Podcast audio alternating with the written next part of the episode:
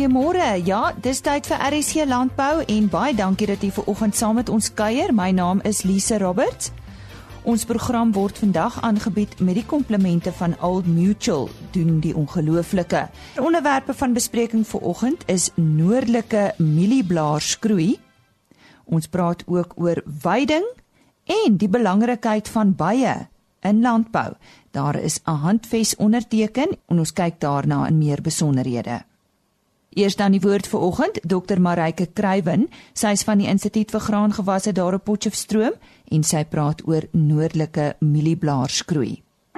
Ja, goeiedag. Ja, weet jy noordelike mielieblaarskroei is een van ons mees algemeenste en wyd verspreidste blaarsiektes wat op die oomblik in Suid-Afrika voorkom. Jy weet hy is veral baie prominent en hy weet veroorsaak groot opbrengsverliese veral in jou natter oostelike dele van die land weet dit is soos in jou KwaZulu-Natal se Middellande en Mpumalanga. En ehm um, dit kom ook baie algemeen onder jou besproeiingsgebiede voor weens die gunstige klimaat wat dan nou geskep word onder sulke, jy weet, uh, toestande, jy weet al die water ensovoorts.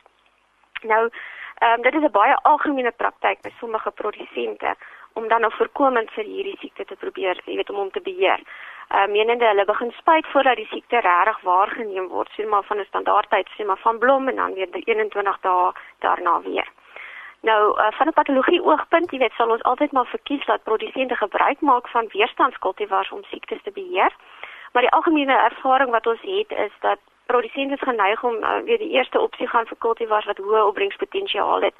Jy weet, en dat jou weerstandsgene of tweede fuel of die, die moontlikheid van weerstand tweede fuel speel wanneer dit kom by die keuse van 'n van 'n kultivar. Nou gesien in hierdie lig het ons nou by die LNR Instituut nou die afgelope seisoen begin met 'n projek en ons het nou al klaar twee suksesvolle proewe agter die blad gekry. Ehm um, en ons wil dan nou maar net so 'n bietjie vir julle inligting gee raak aan die bevindinge wat ons nou gekry het. So eh, die agtergrond oor die proewe is ons het drie kultivars gekies. Jy weet waarvan hulle elk verskillende grade van weerstand gehad het. En dan het ons nou twee afsonderlike proewe gehad jy weet 'n vroeë planting en 'n laat planting, jy weet ehm uh, waar ons nou hierdie kultivars geëvalueer het. Nou twee van hierdie kultivars was dan byvoorbeeld wat ons nou sê, weet vatbare kultivars, jy weet wat wat die jy weet die siekte infekteer maklik en hy veroorsaak baie hoë vlakke van blaarsiektes. Terwyl die derde een was dan nou weer 'n kultivar wat weer weerstand getoon het in ons uh, proewe wat ons vroeër gedoen het 'n uh, paar jaar terug uh, hier in die Potchefstroom omgewing. So ons het hierdie drie kultivars gekies en elkeen van hulle is dan nou blootgestel aan verskillende vlakke of verskillende behandelings. Uh twee byvoorbeeld was waar ons verskillende spuitprogramme toegepas het. Ehm um, en ses was waar ons fisies ingegaan het uh, deur die seisoen in, in verskillende tye geïnokuleer het. Van die behandelings het ons 2, 3 keer teruggegaan en geïnokuleer uh met die doel om dan te kyk hoe siek ons hierdie uh plotte kan maak wat ons geïnfekteer het. Maar Marike, wat was nou eintlik die doel van hierdie hele projek? Die doel van hierdie hele projek was om nou te kyk maar watter opbrengsverliese kan ons waarneem uh, as gevolg van hierdie siekte wat voorgekom het. En dan ook watter tipe beheer kry jy ou wanneer jy nou die spuitprogramme dan nou toegepas het ook. So nou rakende wat ons nou weet tot dusver nou waargeneem het, wel die eerste een is nou meer dan nog geskoei op die twee vatbare kultivars right. So die in tyd van infeksie, ehm um, het ons al baie genoem as krities op die einde van die dag as jy wil weet wat jou opbrengsverliese gaan wees. En dit het nou baie mooi gewys in hierdie persele. Jy weet daar waar die siekte in die een proef baie vroeg ingekom het. Jy weet ons het al reeds 4 weke na plant. Jy weet wat ons in hierdie land ons nog eers kans gehad om te inokuleer het. Toe is die letsels al daar. Jy het ons gevind dat met daai spesifieke proef op die vatbare kultivars het ons opbrengsverliese van tussen 4.5 en 6.7% gekry elke keer wanneer die siektegraad met 10% gespring het. Nou om dit nou vir produsente in 'n rand en sent waarde om te skep as ons die gemiddelde vat sê maar 5.6% opbrengsverlies wat jy kan lei vir 'n produksie of 'n besproeiings uh, weet waar jy omtrent 12 ton sê maar per hektaar kan potensieel kry. En met ons huidige mielieprys wat uh, nou gisteraand gekyk sê maar R1800 is per ton. Ehm um, het ons gevind dat daar waar die siekte dan nou vroeër in die produksie voorgekom het, ehm um, kon 'n produsent potensieel ehm um, in die omgewing van R1200 per hektaar verloor. Elke keer as jou siektegraad met 10% gespring het. So as jy nou uh, 10, 20, 30 vir elke keer moet jy dit dan nou uh daai inkremente van R1200 bystel. Maar dan het ons nog gevind maar daar waar die siekte later ingekom het, jy weet eers omtrent 8 na 9 weke na plant het ons gevind dat die opbrengsverlies was net 3%. So rand en sent ware is dit maar 'n omgewing van R650 per hektaar opbrengsverlies. So produsente moet kennis neem dat hoe vroeër 'n siekte inkom, hoe groter is die, is die verliese wat jy potensieel kan ly en daarom is dit belangrik om hom dan nou te spuit. Um of te beheer vroegtydig. Nou, wat het ons nou gevind rakende die derde kultivar? Die derde kultivar onthou julle was dan nou die een wat weerstand getoon het. Nou, ons was baie verbaas geweest dat met al ons inokulasie en so ons hierdie kultivar kon stoot dat hy tot omtrent 'n omgewing van 50% ehm um, blaarsiekte of weet persentasie aangetaste blaarmateriaal ehm um, verkry het. Of so hy baie siek geword. Ehm um, in vergelyking met die ander vatbare kultivars het dit bevoel het bevoel by 70% gedraai. So hy het nog steeds 20% minder infeksie getoon, maar vir 'n kultivar wat ons aanvaar het nou weerstand is, het hy nogal baie siek geraak. Maar ons was baie verbaas geweest om te sien dat ten spyte van hierdie jy weet vreeslike vlakke van infeksie, hy bitter weinig ingeboet het met sy opbrengs. So hy het siek geword, maar hy kon op 'n manier ehm um, kompenseer op so 'n manier dat hy glad nie van sy opbrengs weet ver, uh, verliese getoon het nie. Goed.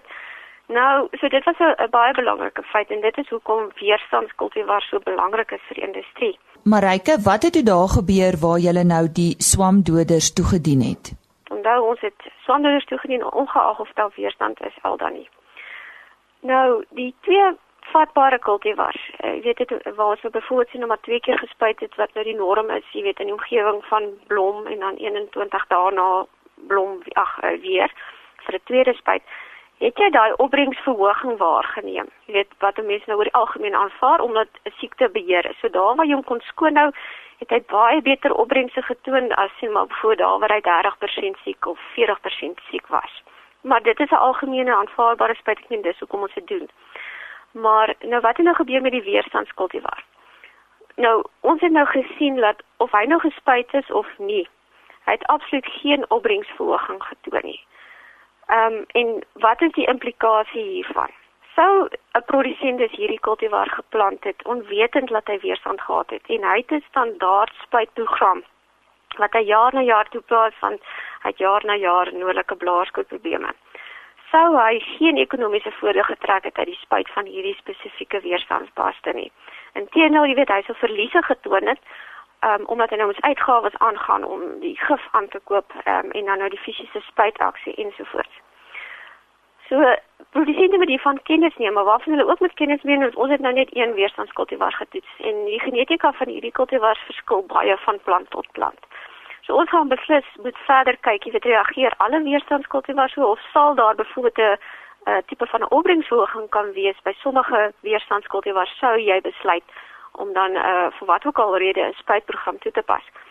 Maar ons voel nie van ons kant af, ehm um, dit tyd en wel moet produsente dalk net kennis dra van die weerstandstatus van die basters wat hulle kies wanneer hulle gaan plant en hulle weet hulle spuitprogram standaard volg en dat hulle dit met hulle ehm um, saadmaatskappye, jy weet die die uh, saadverskaffers dan net ook moet opneem.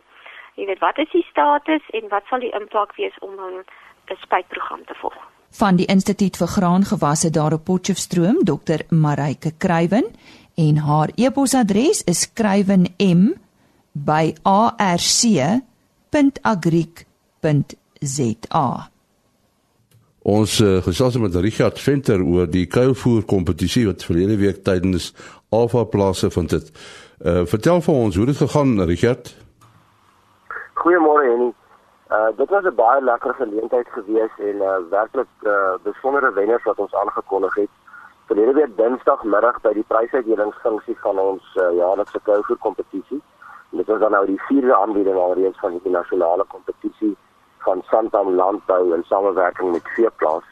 Het ons dan nou die drie kategorie wenners aangekondig. Ehm uh, dis dan nou vir haverkouvoer, sorghumkouvoer en mieliekouvoer. So in haverkouvoer was ons kategorie wenner Dani Lou van JA Lou by Klipheuwel in die Wes-Kaap. Dani was nie net van tevore ook al 'n finalis nie, hy het op al die Hawerklas gewen in die verlede. Dan op die sorghum kategorie het ons die uh, ons uh, hooggeplaaste finalis was Sparta by die Dief van Makwarda in die Vrystaat en weer eens uh, geen vreemdeling tot die kompetisie nie al finalis gewees en ook in die eerste aanbieding van die kompetisie 4 jaar gelede was Sparta ons algehele wenner. En dan in die milie kategorie waar ons uh, die finaliste natuurlik daar's meer finaliste, dit is 'n groter klas. Daar's 10 finaliste gewees en die hooggeplaaste milie uh, uh, uh, finalis was dan West End Landgoed van Morgenson in Mpumalanga. Nou West End natuurlik ook geen vreemdeling tot die kompetisie nie. Hulle het weer verlede jaar die sorgklas gewen. En Richard, wie wie was toe die algehele uh, algehele wenner? Ja, so verlede week eh, donderdag aand by die Alpha Dene het ons nou die voorreg gehad om die algehele wenner aan te kondig uit daai drie finaliste uit. En eh uh, uh, ons het mense daai drie kategorie wenners. En dit was dan nou wel West End Landgoed van Morgenson, eh uh, eienaar en, en bestuurder Hanu Lombard met sy span James Sutherland en hulle het werklik besonder presteer. Dit was die Milikou voer wat weer gewen het en hulle is dan ons na Santam Landbou nasionale kou vir koning vir 2017. Eh uh, die uh, algemene deelname was daar meer hierdie jaar? Ja, en ons het 'n baie mooi deelname gehad. Die kompetisie was amper dubbel so groot soos verlede jaar. So so 77 bankers, uh, weet kou vir bankers reg oor die land eh uh, wat ingeskryf was.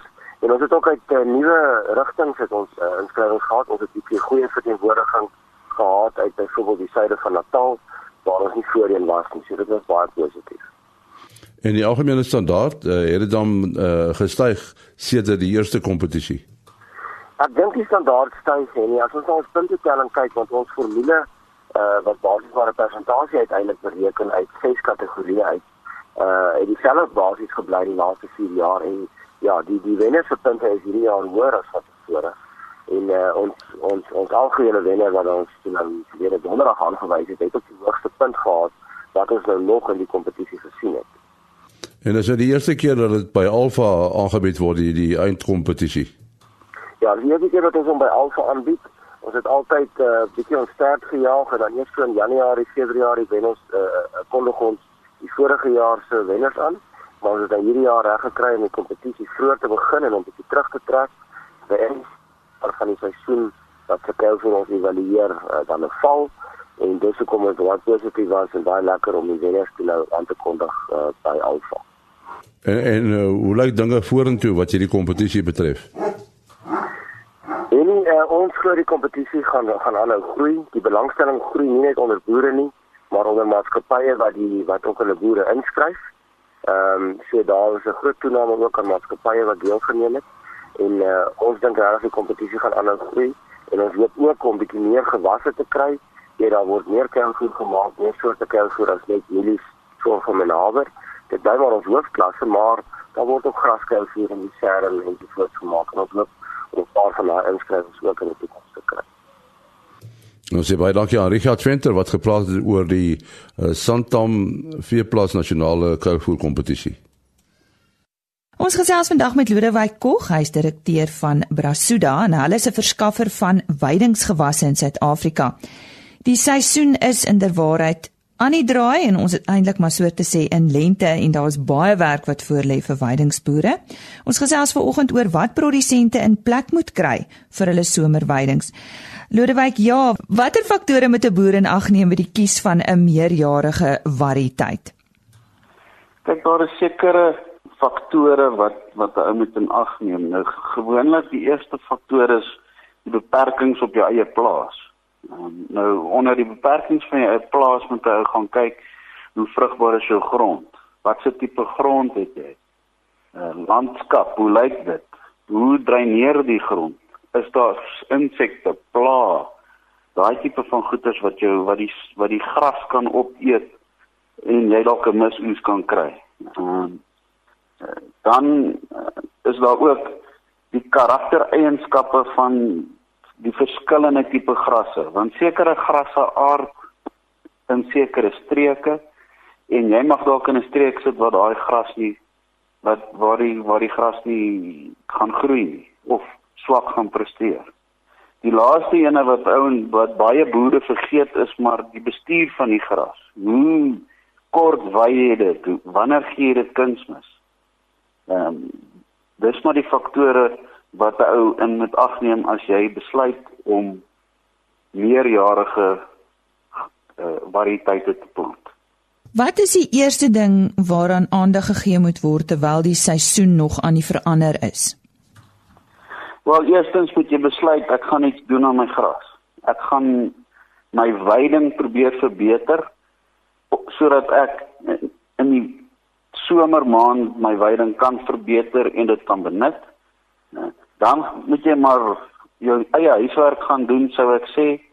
Kontak van die weidingsverskaffers, jy kan my kontak, jy kan my oppositie kontak en dan vat jy dit maar van daar af. Verskeie faktore het 'n negatiewe impak op 'n uh, meerjarige gewasse. Wat wat is dit? Nou die die grootste faktore wat hy nou moet wat waarna hy moet kyk is obviously ehm um, die saadkwaliteit. Jy kan se ou, saad koop by 'n ou. Kyk dat die saad se vervaldatum reg is. Alhoewel saad ehm um, daar word altyd 'n vervaldatum op saad gesit, maar dis nie te sê dat die saad nie gaan ontkiem nie. Ehm um, ontkieming neem af soos wat die saad ouer word afhangende van hoe dit geberg word. Dan uh, hoeveel saad saai jy? Die verskaffer kan vir jou sê jy plant 5 kg hektaar en by een of ander rede besluit jy nee, jy plant net 2 kg hektaar. Dan gaan jy glad nie die stand hê want gewoonlik word die stand uitgewerk op op die wat is die ontkieming? Daar's 'n hele klomp faktore rondom daai hoe hoe hou die die die stand moet saai. Dan die diepte van die saad. Grassaad is baie klein so grassaad moenie baie diep geplant word nie dit moet half in die grond ingetrap word as jy dit met 'n planter plant moet hy nie meer as 10 mm diep geplant word uh, dan obviously wat uh, gras het vier dinge nodig. Son, water, temperatuur en dan voeding. As hy nie daai goedertjies het nie, gaan hy nie goed presteer nie. Maak nie saak of jy nou in die winter of in die somer is nie. Dis hoekom gras in so in die winter afgaan, want jou daglig raak korter. Die vraag die temperature raak korter. Meeste van die meerjarige of uh tropiese grasse is maar somer aktief. Dis hoekom hulle meer in die somer sal groei. Hoe word 'n uh, meerjarige variëteit geplant? Daar's verskillende metodes hoe jy dit kan plant. Die eerste wat ek vir al my kliënte sê is: As jy sukses hiervan wil maak, neem die grondmonsters, kyk wat is in jou grond, dan mag iets fout wees in jou grond, stuur dit in na na 'n grondspesialis wat dit ken sodat hy vir jou kan sê luister dit is wat kort in jou grond dan moet jy dit regstel as jy klaar jou grond reggestel het dan probeer 'n ou gewoonlik die kompetisie uithaal daar is ouens wat sê nee maar hy wil nie die kompetisie uithaal nie dan moet jy net vir jouself besef jou gras gaan anderste vestig want dis nou van saad af en as daar reeds gras is is die kompetisie onmiddellik daar. Uh, uh jy jy kan dit plant met 'n fynsaadplanter. Uh gewoonlik die meeste boere ken 'n tefplanter. Ek het al dit met 'n koringplanter geplant. Jy kan dit met 'n uh breedwerpige uh raaigrasplanter of daai tipe van planters ook plant. Uh ek het ek weet van boere wat hom met 'n mielieplanter al geplant het. So daar's baie maniere. Jy kan hom met 'n kunsmisstrooier uitstrooi. Ons het ons eie planter wat ons invoer wat so wat so laag kan gaan as 2 kg per hektaar. Dis 'n kuns dis amper soos 'n kunsmisstrooier, maar hy, hy plant baie fyn saad. Dan daarna plant moet 'n ou gras of grassaad rol in die grond in. Wat is nou jou mening die belangrikste aspek van weidingsbestuur in die somer? Weidingsbestuur in die somer is baie belangrik. As jy die as jy die weiding begin benut, moet jy dit nie oorbewei nie. Sodra jy gras oorbewei, dan begin jy in die groeipunte in beweeg van die gras. Die gras vat baie lank om te herstel vat partymal tot 2 keer langer om vir die gras om te herstel as as gevolg van van van faktore wat wat die die plant moet homself recover as hy dit so kan doen. Uh, uh, dan moet hy nadat jy die gras bewy het, moet jy ou maar vir hom kunsmis gee. Jy hoef dit nie alles op een slag te gee nie. Jy kan dit oor vier sessies in die lewens of in die in die jaar wat jy dit benut, kan jy dit kan jy vir hom kunsmis gee. Wat is die gevolge van lang, langdurige oorbewyding? Nou oorbewyding is altyd 'n probleem. Ehm um, soos ek wel gesê het, sodra jy begin oorbewy wy of vreet vreet die, die dier in die groeipunte van die gras in. So wat eintlik gebeur is, die die plant kan nie fotosinteer nie. As hy nie kan fotosinteer nie, moet hy van iewers af sy eie kos kry. Hy begin die kos kry van sy wortels af. Sy wortels stoor die die die die die voedingsware na die blare toe Ehm um, en uh, dan begin die wortels doodgaan. Dit is hoekom dit so lank vat vir 'n plant om te herstel as hy oorbewy word. Sodra die plant nou weer begin blare maak, dan kan hy weer fotosinteer en dan begin hy weer groei. Dit was dan Lodewyk Kog en hy's die direkteur van Brasuda. 'n Handves is onlangs deur verskeie rolspelers opgestel om die kwessie rondom die uitsterwing van bye in Suid-Afrika aan te spreek.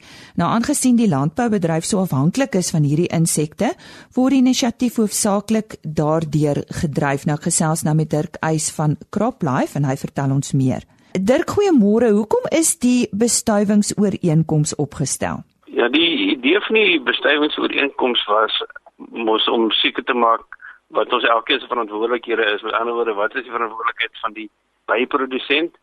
Eh uh, wat is die verantwoordelikheid van die boer homself?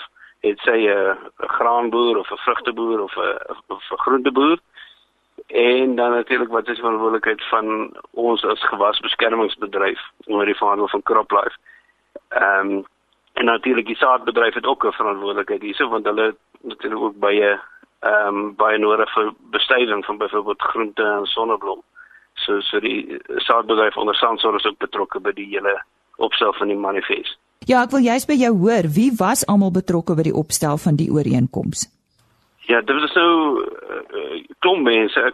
Eerstens was dit natuurlik die bybedryf onder die SABIO, Suid-Afrikaanse Bee Industry Organisation. Ehm um, en dan van die produsentebedrywe het ons almal betrek wat afhanklik is van bye en dit is Hortgrow wat die wat die appels en pere mense verteenwoordig.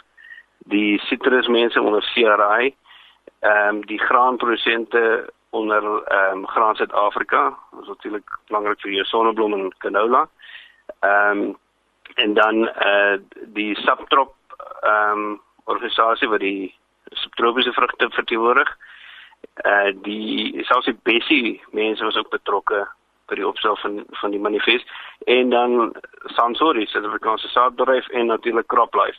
En hierdie ding is nou gefasiliteer deur AgriSA om om ons almal net hier bymekaar te kon kry. Vanuit 'n gewasbeskermingsoogpunt, wat sou jy sê is die grootste probleem ten opsigte van baie? Uh van gewasbeskermingskant af sê ek sê die grootste probleem is is die misbruik van produkte en mense wat nie die produk aanbeveel soos soos hy moet aanbeveel word nie. Produkte word mos eintlik gemaak om om 'n sekere plaag te beheer, maar as mens hom reg gebruik, uh, daar word natuurlik baie navorsing daaroor gedoen om seker as jy hom reg gebruik dat die impak op die omgewing so min as moontlik is. So ek sê misbruik is definitief die grootste probleem. En ten opsigte van landbougewasse, hoekom is baie so belangrik? Ja, dit wil sê die waarde van bye op die op die landboubedryf in Suid-Afrika is oor die 20 miljard rand se waarde wat dit vir, vir boere en en prosente inbring. So daar's 'n paar plekke waar dit veral belangrik is. Eerstens die groentebedryf en ons het 'n ons het 'n baie unieke groentesaadbedryf waar die klinkerrooi bedryf word. So bye is natuurlik baie belangrik vir hulle vir vir die bestuiving van eie en en wortels die die soort van groente dan in ehm um, in die graanbedryf is baie baie belangrik veral vir gewasse so sonneblom. Is, is sonder 'n by gaan jy seker nie baie sonneblom kry nie. En dan aan die vrugtekant ehm um, mens kan mos net dink appels en en pere en jou steenvrugte. Daar gaan nou nie veel vrugte wees dan nie baie is nie. En uh, wat ook interessant is is jy as jy oor gaan na die subtropiese kant toe gewasse soos avokado's en makadamias waar baie goed bestuif kry die boere nogal heelwat 'n uh, groter opbrengste omdat die bestuiving natuurlik help met beter vrugset. So oor die algemeen het, het baie beslis 'n groot invloed dink net dis dit gewees het ons as nie baie gehad en ons seker met die hand moes gedoen het. Ja nee, dit klink na 'n geweldige taak. Sê vir my uh, Dirk, watter verantwoordelikheid het die gewasbeskermingsbedryf om bygesondheid te bevorder?